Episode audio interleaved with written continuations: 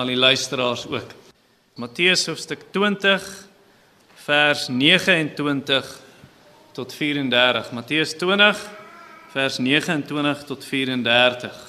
Die tema 'n boodskap vir die blindes. 'n Boodskap vir die blindes. Nou wat ek gaan doen, uh ek gaan nie elke keer aankondig nie dat ek Markus en Lukas se weergawe van hierdie gebeure ook bygewerk het. So ek gaan nie elke keer sê Markus 10 vers dit of Lukas 8 vers 18 vers dit nie. Uh hier en daar sal ek 'n uh, direkte verwysing sê na Lukas en Markus, maar oor die algemeen ek werk dit als in saam met hierdie verhaal uit Matteus en daar's geen weggooi sinne nie. So as as, as ek sê die blindes het geroep rabbi en dit staan nie in Matteus nie, dan bedoel ek rabbi, ek maak dit nie op nie. Dit staan in Markus of in Lukas. Kom ons vra die Here se seën op die ontvang van sy woord in ons harte vandag. Hemelse Vader, ons bring dan ook hierdie woord vanoggend voor U en vra dat U ons verstand baie helder maak, glashelder, kristalhelder om in te neem die waarhede van die skrifte. Anders is ons as blindes, dan is ons maar soos hierdie mans wat blind was en nie kan sien nie.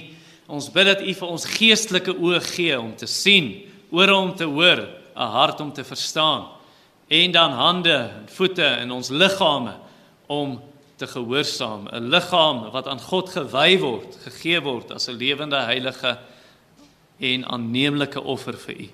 Ons bid dit in Jesus naam. Amen. Ek het eendag 'n storie gehoor van 'n vrou wat nie oë het nie.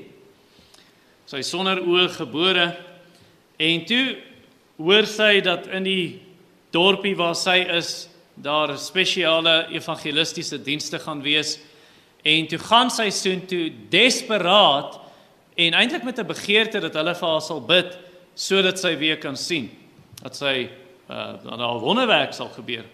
Nietemin, sy is by die byeenkoms en terwyl die man preek, toe maak die Here haar verstand oop en haar hart oop om die evangelie te verstaan en toe na die preek toe roep sy uit ek kan sien ek kan sien.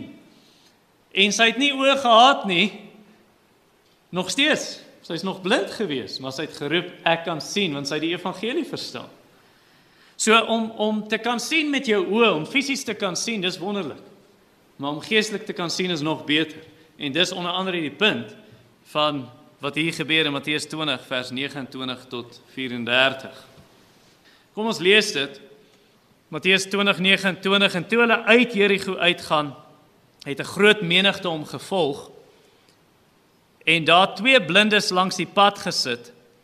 En toe hulle hoor dat Jesus verbygaan, roep hulle uit en sê: "Wees ons barmhartig, Here, seun van Dawid." En die skare het hulle bestraf dat hulle moes stil bly, maar het al harder geroep en gesê: "Wees ons barmhartig, Here, seun van Dawid." Toe gaan Jesus staan en roep hulle en sê wat wil julle hê moet ek vir julle doen?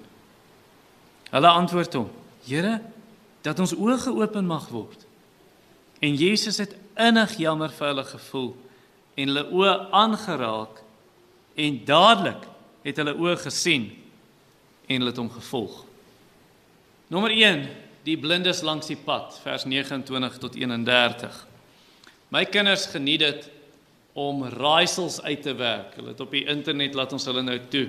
So een keer in 'n week of een keer in 2, dan kyk hulle raaisels en dan het dan gee hulle die raaisel en dan het jy 7 sekondes om die antwoord te gee. En van die goed is 'n tamaletjie, dis dis taai, dis moeilik. Jy dink, wonder wat is die antwoord hierop? Maar as jy net bietjie dink en natuurlik sal die antwoord gee, dog jy, ag, simpel. Dit is eintlik so maklik om uit te werk. Dis eintlik dieselfde in vers 29, want hier's 'n tamaletjie. Wat jy nie sien as jy net Matteus lees nie, as jy Markus en Lukas bywerk, sien jy die tamaletjie, want vers 29 sê toe hulle uit Jerigo uitgaan, Lukas sê toe hulle in Jerigo ingaan. en en Markus ook. So is hierdie 'n teenstelling in die Bybel? Nee, is nie 'n teenstelling nie. Dit is eintlik nie te moeilik om uit te werk nie. Wat hier gebeur het of dit kan beteken dat toe Jesus en die disippels uit die ruïnes van Jerigo, want daar's 'n ou deel van die stad wat net bouvalle is. Toe hulle uit daai deel uitkom en Lukas sê toe hulle in die nuwe deel inkom. So dis eintlik toe hulle tussen die twee dele is, die ou stad en die nuwe stad, toe ontmoet Jesus hierdie blindes. Of dit kan beteken toe Jesus uit Jerigo uitgaan, toe loop hy verby die blindes en hulle roep agterna en hy loop aan, hulle roep agterna. So hulle gaan uit die stad en toe draai hy om en hy roep die blindes na hom toe. Hy genees hulle en dan volgens Lukas toe gaan hy terug in die stad in. Uh dis die einde Lukas 18 lees ons hierdie gedeelte en dan die begin Lukas 19 gaan hy terug in die stad en hy ontmoet vir Saggeus die kort mannetjie in die boom en hy roep hom uit die boom uit en hy gaan by sy huis tuis. So dis nie te moeilik om op te los hierdie sogenaamde Tamalek die Jerigo ons weet het 'n baie ryk geskiedenis. Uh waar lees jy die eerste keer in die Bybel van Jerigo? Ja, waarskynlik toe uh toe Israel ons nou in die land inkom, nê, nee, hulle gaan nou die beloofde land in besit neem, hulle verower Jerigo. Uh na my kennis, ek kan nou nie gaan kyk nie. Dalk lees ons 'n keer of wat voor dit van Jerigo, maar dis die eerste groot gebeurtenis ten minste en die mure van Jerigo val en Rahab die prostituut ehm um, sy word gespaar. Dit onthou ons. En dan ook Jerigo is die stad van palms in die Ou Testament, byvoorbeeld 2 Kronieke 28 vers 15. So baie palmbome in hierdie stad. Nou hier sien ons in ons teks, toe Jesus uit die stad uitkom vers 29, daar's 'n groot skare wat agter hom aangaan, waarskynlik as gevolg van die Pasga. Die groot Paasfees is op pad. Uh dit sien ons in die volgende hoofstuk, hoofstuk 21, waar Jesus nou met die donkie in Jerusalem inry en ons weet nou dis amper tyd vir sy kruisiging. Ons sê almal is op pad Pasga toe en hier sien hulle twee blindes wat langs die pad sit en bedel. En dit sien ons in Markus en Lukas, hulle sit in bedel. Nou Markus en Lukas noem net een bedelaar. Markus gee sy naam ook, Bartimeus die seun van Timeus. En die rede hoekom hulle waarskynlik net op een fokus is want hierdie ou is die spreekbuis. Jy weet soos met die apostels, as jy lees van Petrus en Johannes, wie praat altyd? Ja, Petrus met sy groot mond, nê, nee, baie dinge verkeerd gesê. Nou Bartimeus is waarskynlik die spreekbuis vir hom en sy vriend. Hy is die een wat die praatwerk doen. En hulle hoor nou hierdie skare gaan verby sê vers 30 vir ons.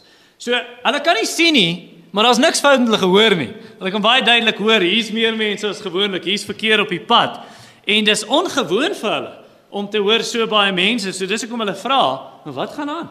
Volgens Lukas se weergawe.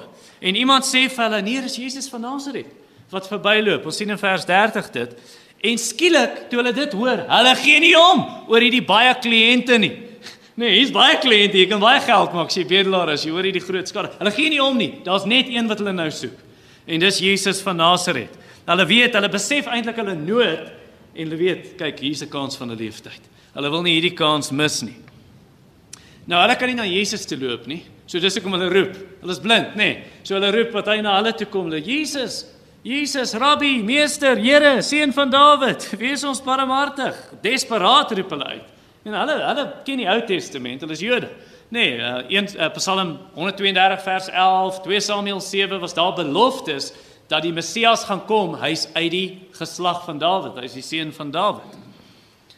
So hulle besef miskien nie alles oor wat die Messias is en wat dit beteken dat hy die seun van Dawid is, maar ten spyte van hulle blindheid sien hulle meer as wat die disippels gesien het van die disippels net 'n paar verse vroeër, eintlik net die vorige gedeelte van vers 17 tot 28. Die disipel die disippels as ek dit nou mooi in Engels kan sê, het nie 'n klou nie. Hulle verstaan nie mooi nie. Hulle verwag hierdie politieke leier, hierdie politieke Messias wat hulle moet verlos van die Romeinse onderdrukking. En toe Jesus sê hy gaan gekruisig word, nee, wag 'n bietjie. Nou krap hulle kop. Messias word mos nie gekruisig nie. Jy weet hy gaan doodgemaak word en oorgelewer word en en dan wil Johannes en Jakobus sommer sê maar kan ons nou nie in u koninkryk een sit regs en een sit links van Jesus. Jy weet ons wil die belangrike posisies vul. Hierdie blindes verstaan meer as dit. Hulle weet dis nie wat Messias beteken nie. Hulle ken verse soos Jesaja 35 vers 5 wat sê wanneer die Messias kom, gaan die blindes sien. Hy gaan die blindes genees. So hulle hulle daai reg. En nou is hierdie hierdie hulp geroep toe hulle dit besef hier's Jesus, hy's die een, seun van Dawid en hulle roep uit, "Wees ons barmhartig." Nou om barmhartigheid te ontvang, moet jy daarin besef, jy kan niks vir jouself doen nie. Om barmhartigheid te ontvang, moet jy ten minste besef ek kan niks vir hierdie seun van Dawid bied en sê hier's iets wat in ruil Hulle kan niks doen nie. Hulle vra barmhartigheid. Hulle besef ook as jy vra vir barmhartigheid, jy besef die Here hoef jou nie te help nie. Dis hoekom jy barmhartigheid vra. En die skare vers 31 bestraf hulle en sê: "Sst, hey, sst, bly stil. Julle pla Jesus. Hy's 'n belangrike man. Hy het nie tyd vir blinde mense soos julle, vir bedelaars soos julle nie." Jy weet, dis die idee wat oorkom hier. Uh net soos die disippels, nê, nee, toe hulle die kindertjies na Jesus toe bring in die vorige hoofstuk. Waar hulle sê uh vir vir die vir die ouers met die kinders: "Vat julle kinders weg. Hier is nie tyd vir kinders nie. Jesus is 'n besige man." En nou gebeur dieselfde tipe ding hier. So die skare, die feit dat hulle hierdie blinde stil maak, hulle besef nie wat die en wie en wat die Messias is nie. En hulle dieselfde idee as die disippels, want net in die volgende hoofstuk in vers 9, dan sien jy hulle almal roep: "Hosanna! Loof hom wat kom in die naam van die Here, die koning, die seun van Dawid." So hulle het hierdie lofprysing, maar hulle het 'n idee van: "O, oh, hy gaan ons verlos van die Romeine." Hoe weet ons dit was hulle idee? Want net 'n paar dae later kruisig hulle hom roep vir sy bloed. Hulle verstaan nie wie en wat hy is en wat hy regtig kom doen het nie. Die blindes sien dit. So hulle besef nie Jesus het juis gekom. Die Messias het juis gekom vir hulpelose, hopelose, gebroke mense soos hierdie blindes. En die die skare dink nee maar julle is benede Jesus. So moet hom asseblief nie pla nie, maar die blindes steur hulle nie daaraan nie. Hulle hulle roep nou net harder uit. Sê vers 31 vir ons. Hulle roep harder uit, hulle wil bo die skare gehoor word. Hoekom dink julle? Hier is die antwoord vir die Timoteus klas. Hoekom dink julle het Jesus uh nie hulle dadelik geantwoord nie? Toe hulle roep, hulle twee keer geroep. Maar ek wonder wil hy hulle geloof toe, soos die vrou met bloedvloei wat hy vir haar vra, wie het aan my geraak? Hy wil hê sy moet antwoord. Nee, hy wil sien het sy geloof, vertrou sy hom regtig. En so hier dieselfde. En let op, hulle vra vir niemand anders in die skare hulp nie. Hulle weet niemand anders kan hulle help nie. Hulle weet net Jesus kan. Dis hulle enigste hoop. Niemand anders in die hele Bybel, weet nie of jy hierdie feit ooit opgemerk het nie. Geen profeet, geen apostel het ooit 'n blinde gesond gemaak nie. Net Jesus. En Johannes 9 vers 32, daai blinde man wat daar gesond gemaak is, hy sê dis nog nooit gehoor van die begin van die wêreld af dat iemand 'n blinde gesond maak, 'n man wat blind gebore is in daai geval. So so hulle weet Jesus is die Messias, net hy kan help. Nou vir ons vandag, hoe help hierdie ons? Wat leer ons hier uit? Wel die blindes, hulle weet miskien is dit hulle laaste kans. Miskien het hulle nooit weer hierdie geleentheid nie. En jy en ek moet dieselfde besef. Ons moet dieselfde verstaan hierso. Dalk is vandag jou laaste kans om met die Here reg te maak. En ek verstaan hier in ons gemeente glo die meeste is gered. Uh en die wat dalk op die radio luister is al 'n klompie gelowiges, maar dalk dalk nie. Selfs wat hier sit vandag. Jou laaste kans om Jesus te ontmoet, jou laaste kans om reg te maak met Jesus. Kyk, die lewe is onseker. Meen, dit gebeur so dat jy jou laaste asem uitblaas, jy's weg. So moenie die geleentheid mis nie doen wat hierdie blindes gedoen het. Roep uit en onthou jy het 'n groter voorreg as wat die disippels gehad het. Jy het 'n groter voorreg as wat die skare gehad het. Dalk sê jy nee, ek het nie. Hulle het Jesus gesien voor hulle oë. Jy het 'n groter voorreg. Want Jesus was nog nie gekruisig nie. Hulle het nog nie daai ingesien nie. Hulle het nog nie die voltooide Bybel gehad nie. Jy het dit. Jy het alles in die skrif om vir jou te sê wie is die, die Jesus? Jy kan beter begryp. Die blindes het iets begryp, maar nie alles nie. Die disippels wel, hulle het iets begryp, maar hulle het heeltemal krom en verdraaid gehad. Ons kan verstaan wie hy is en wat hy kom doen het. Wie is hy? Hy's die ewige God wat mens kom word het. Waarlik God, waarlik mens wat kom leef uit die perfekte lewe in die plek van sondaars soos ons. Moes ons die wet perfek onderhou? Was God se vereiste? Ja, het ons? Nee, het Jesus? Ja. Hy het kom doen in die plek van sondaars. En dan gaan vat hy daai straf wat ons verdien op 'n aaklige ruwe kruis, dra hy die oordeel, drink hy die beker van oordeel wat ons moes drink. En hy staan op uit die dood, hy oorwin die dood en daai lewe van Christus gee hy vir jou. Gratis, kom al dit net. Hy bied vergifnis vir sondaars as jy berou het, jy draai in geloof na Christus. Hy was jou rekord skoon en gee sy perfekte rekord vir jou. Hy maak jou vry. Glo jy dit? Wel, as jy dit glo, doen wat die blindes gedoen het. Roep uit. Bid dan tot hierdie God. Bid in hierdie oomblik. Bid in hierdie oomblik en vra Here, vergewe my. Vergewe my. Vat hierdie sondige rekord van my weg. Nou dalk glo jy hierdie dinge oor Jesus. Als dit ek nou oor hom gesê het, jy glo dit. Maar jy twyfel, nou my kan nie my help. My sonde was te sleg. Ek's te ver heen, want ek het geweet wat reg is en ek het weggedraai. Wel kan Jesus blinde mense genees en nie jou sonde vergewe nie? Is Jesus te swak daarvoor? Sal hy barmhartig wees oor blindes, maar hy weier om jou te vergewe as jy kom en vra? En jy pleit om genade? Meen, is dit nie die rede hoekom hy aan die kruis gesterf het nie? Om sondaars te help en te vergewe. So waarvoor wag jy nog? Hoekom hoekom sit jy nog? Hoekom bly jy nog in daai sonde wat jou vasvang? Hoekom probeer jy nog self daar uitworstel? Stop dit man. Draai weg van jouself en jou eie middele en jou eie hoop in jouself. Draai na Jesus. En sê Here, sal U dit kom wegvat? En ek praat nie net met ongelowiges nie. Ek praat met jou wat weggedwaal het van waar jy behoort te wees. Ek praat met jou wat vasgevang is in daai sonde en jy sê maar ek probeer oor en oor en asof jy ding my net weet. Draai na Jesus. Nie na jouself kyk vir die hoop en die antwoord nie. Dalk twyfel jy nog steeds na jy dit hoor. Want jy sê ja man, mense het my weggegooi, my familie het my weggegooi, die samelewing het my weggegooi, soos hierdie blindes. En dan wonder jy gaan die Here my ook nie weggooi nie. Wel, die samelewing het hulle weggegooi. Hulle sit maar langs die pad en bedel en selfs die skare sê sh, sh, uit ons hare. Wel, Jesus het hulle verwelkom, selfs toe almal hulle weggooi. En die Here sal dieselfde met jou doen. En met oop arms verwelkom. So al dink die wêreld, daar's nie hoop vir jou nie. Weet mense praat dalk selfs agter jou rug en sê, "O, ja, ek het nie hoop vir daai ou nie. Ek het nie hoop vir daai vrou nie. Jesus het hoop vir jou. Daar's altyd hoop by Jesus Christus. So hou aanroep, soos hierdie blindes. Toe die mense hulle stil maak, toe bly hulle stil nie. Toe roep hulle harder tot die Here antwoord. Nie jy moet dieselfde doen. Roep tot die Here antwoord. Bid sonder ophou. Al is dit 'n kort gebed. Al ken jy nie die woorde reg nie. Hierdie blindes, is net 'n kort roep. Seun van Dawid, wees ons barmhartig. Al wat jy hoef te sê is help. En die Here weet wat jy bedoel en hy sal help. Nommer 2. So dit was die blindes langs die pad, eerstens en nommer 2, die blindes by Jesus, vers 32 tot 34. Ek onthou 'n storie wat uh Wyle Martin Holt vertel het. Sy eerste vrou is oorlede aan kanker en toe sy op haar sterfbed is, toe bid hulle twee saam En hy sê haar gebed het hom so diep getref dat sy daar baie baie siek is en haar gebed is dit: Here, verlos my van middelmatigheid. Here, met ander woorde, help my dat ek nie 'n flou Christen sal wees en 'n lou persoon nie. Dat ek vurig sal wees vir hier aan die einde van haar lewe. Sy so iets bid. So so sy het nie aan haarself gedink in haar lyding nie. Sy soos Jesus, sy het aan ander gedink. Want Jesus is so. Waarheen is Jesus op pad volgens vers 17 tot 19? Hy's op pad na die kruis. Aan wie dink hy? Aan ander. Hy dink aan ander.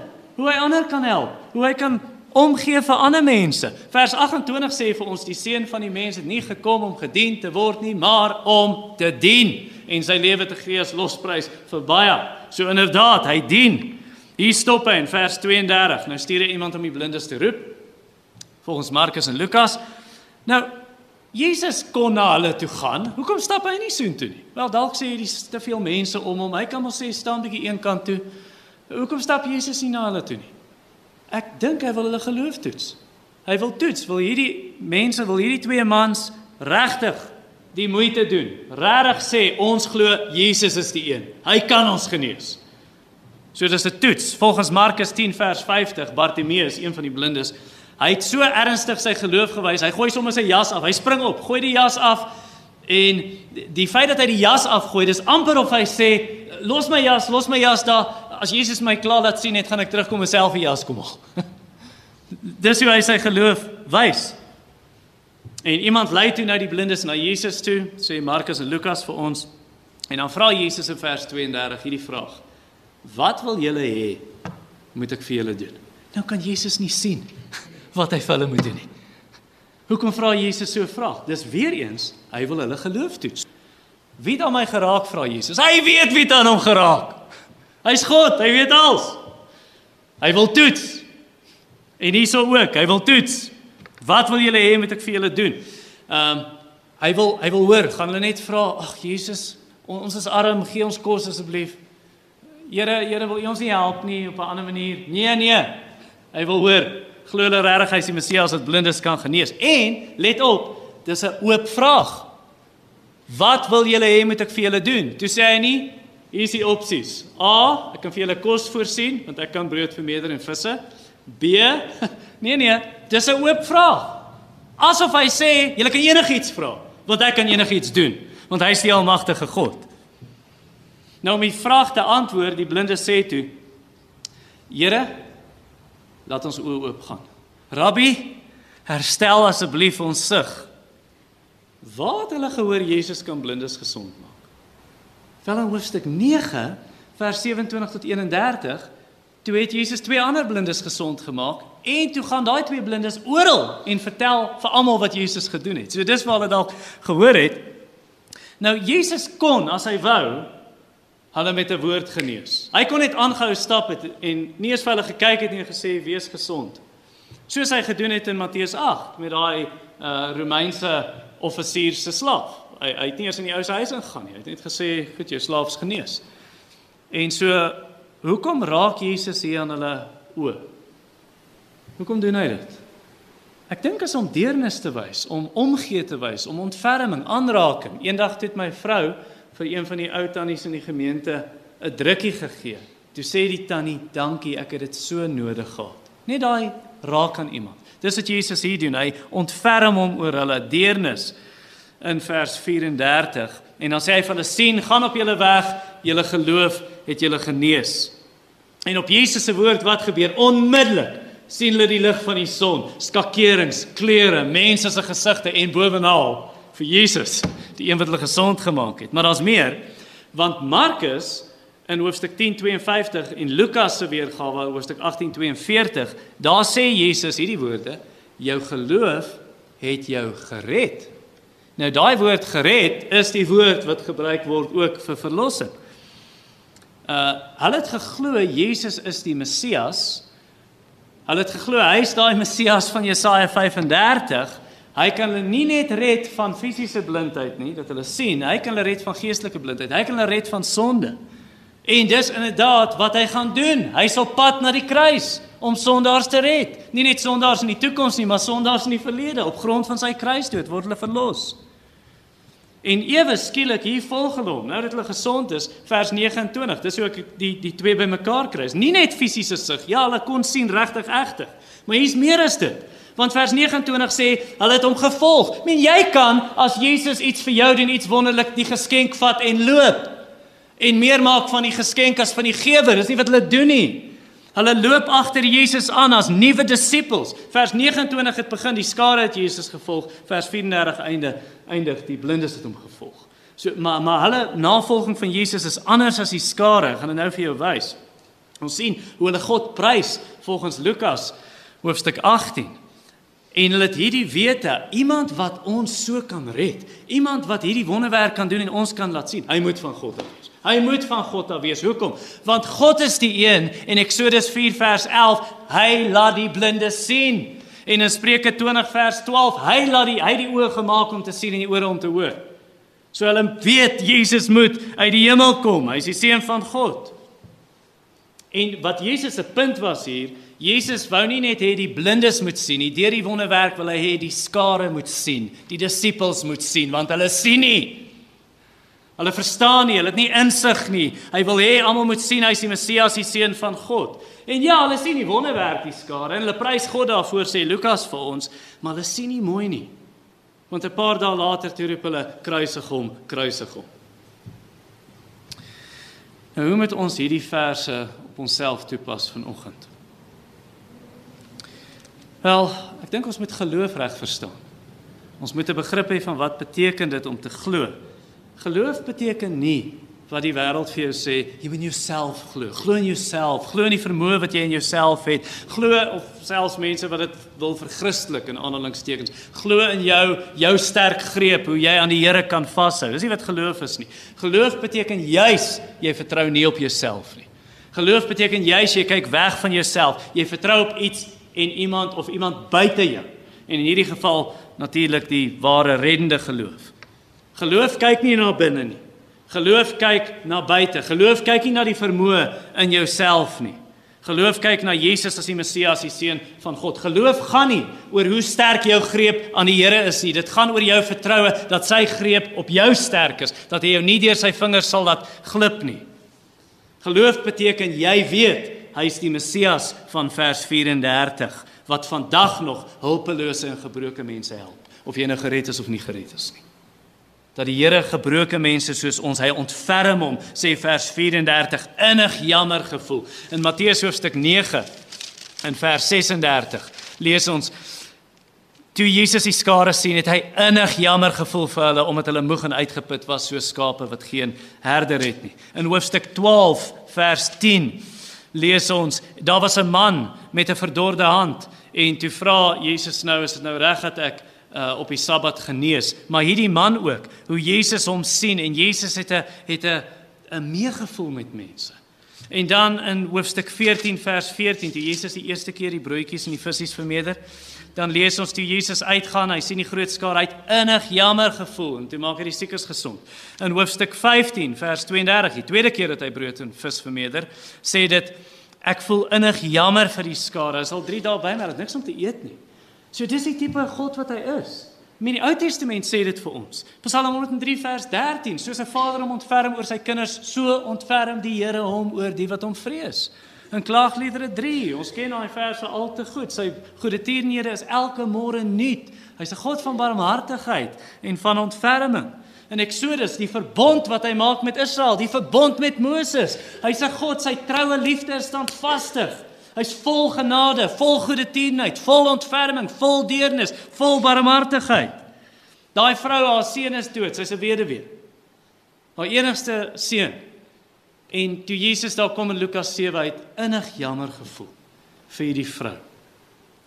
Geloof beteken ook dat jy jouself persoonlik toewy aan Jesus, 'n persoonlike vertroue in Jesus. Nou wanneer jy gered word, Jesus sit jou nie eenkant in 'n hoek nie. Jy's deel van die wingerd, jy's deel van die liggaam, jy's deel van die kudde. Jy kom in 'n liggaam, nê, nee, die liggaam van Christus, maar jy kan nie op grond van die groep se geloof in die hemel kom nie. Jy kan nie op grond God het nie kleinkinders nie, hy het net kinders. Nê. Nee, so jy kan nie op grond van jou pa se geloof of jou ma se geloof of op grond van jou oupa of jou ouma of die gemeente of familie of vriende Jesus eis jy moet persoonlik kom en hom volg. Vers 29, die skare volg Jesus. Vers 34, die twee blindes volg Jesus. Daar's individue. Ek weet daar's 'n groep, maar jy moet individueel kom om Christus te volg. As iemand agter my wil aankom, moet hy homself verloon, sy kruis elke dag opneem en my volg, sê Jesus. Wanneer jy na Jesus toe kom, Christendom, dis 'n smal hek, dis 'n nou ingang, sê Matteus 7 vers 14. Dit laat nie groepe deur nie. Een vir een moet jy kom en daar's dinge waarmee jy nie kan kom nie. Jy kan nie met jou sonde deurkom nie. Dit laat jou nie toe nie. Dis te smal. Jy kan nie met jou selfgeregtigheid deurkom en dink maar ek het iets om Jesus te bied, my goeie werke. Jy moet dit los agter jou. Jy kan jy moet self los. Jy moet self verloon. So Hoe kom jy? Naak. Met leende, niks wat jy die Here kan bied nie. So vra Jesus dan om daai sondige rekord skoon te was, om jou rein te maak, om jou hart skoon te maak en om jou te klee met sy perfekte gehoorsaamheid, sy perfekte rekord, sy rein kleed van geregtigheid. En as jy dink jy het nie Jesus nodig nie, jou goeie werke is genoeg vir die hemel, dan is jy blind. En die blindes in hierdie verse sien beter as jy. Nou, hulle sien daarom, hulle sien, hulle verstaan. Hulle besef ten minste hulle is blind. Dis die ding met met hierdie verhaal. Hulle besef hulle is blind. As jy geestelik blind is en die Here maak nie jou oë oop nie. Nee, jy besef dit nie. Jy dink alles is reg. Dis wat geestelike blindheid is. So vra die Here dan, wys my Here hoe swak ek is, hoe verlore ek is, hoe hopeloos ek is. Wys my hoe sterk U is om my te help uh, gelowig of ongelowig, wat jy omstandighede is, jy nie gered is nie, hoe sterk U is om my te verlos. Gelowige vir jou vraag sal wees, hoe sterk U is om my te dra en te help in tye van moedeloosheid om te volhard. Want anderster, anderster is jy soos 'n blinde man wat op 'n kraans afstuur. En jy weet dit eers nie. En as mense vir jou vra, "Waar is jy op pad?" sê jy, "Ek gaan paradys toe." Nou indien jy reeds gered is, sal dit help as ek en jy besef dat ons ook maar soos die disippels is, nê, nee, in die vorige verse, wat nie altyd so mooi sien soos wat ons behoort te sien nie. So as Jesus jou dan vra wat hy hier vir die blindes vra, wat wil jy hê moet ek vir jou doen? Ek en my vrou het dit gevra onlangs in ons stilte tyd in die aand voor ons slaap en lees ons saam. En uh, toe lees ons hierdie stuk. En Jesus vra, "Wat wil julle hê moet ek vir julle doen?" Hoe sal jy daai vraag antwoord? Jesus vra vanoggend vir jou, "Wat wil jy moet ek vir jou doen?" Wel, ek dink wat jy nie moet doen nie is wat Johannes en Jakobus gedoen het in vers 21. Toe Jesus vir hulle ma vra, "Wat wil jy moet ek vir jou doen?" Here, my seuns. Ek wil tog hê almal moet sien ek so goeie ma.